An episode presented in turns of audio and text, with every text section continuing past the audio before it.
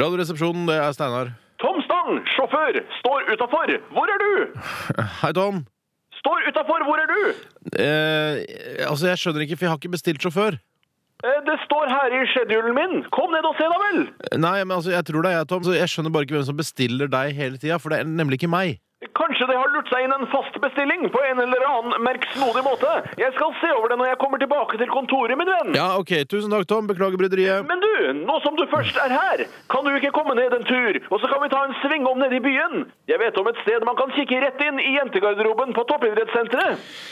Det, vet du hva, jeg har ikke tid, jeg, Tom. Nå er det snart sending, og klokka tolv så er det avdelingsmøte i Ungavdelingen her hvor jeg jobber. Men det varer da vel ikke hele dagen? Kan du ikke komme ned en liten tur etter møtet, så kan jeg vise deg gallesteinene mine? Jeg har de her i hanskerommet, min venn. Ja, men, altså, men det møtet her, det er ikke før om flere timer. Vi kan ikke heller ta det en annen dag, da? Kan- til uka, kanskje? Til uka skal jeg til Georgia, eh, så da kan jeg ikke. Ok, da, da får det bli en annen gang, for nå må jeg nesten stikke, Tom. Har jeg fortalt deg om gallesteinene mine? Du har nevnt eh, gallesteinene dine tidligere, ja. Det er så smertefullt, min venn! Ja, det har du fortalt tidligere. Det mest smertefulle i verden, sier eksperter. Ja.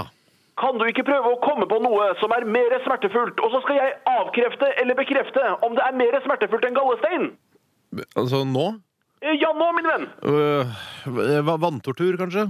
Nei, det ligger på tiende plass. Ok, Hva med å tråkke over sånn skikkelig? Trettende plass. Ja.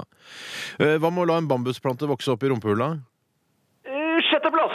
Fødsel, det var Tredjeplass. tredjeplass ja. Vet du hva? Jeg må fyke deg, Tomster. Jeg forstår det, min venn. Bare helt til slutt. Hva var det som var det fjerde mest smertefulle i verden? Husker du det?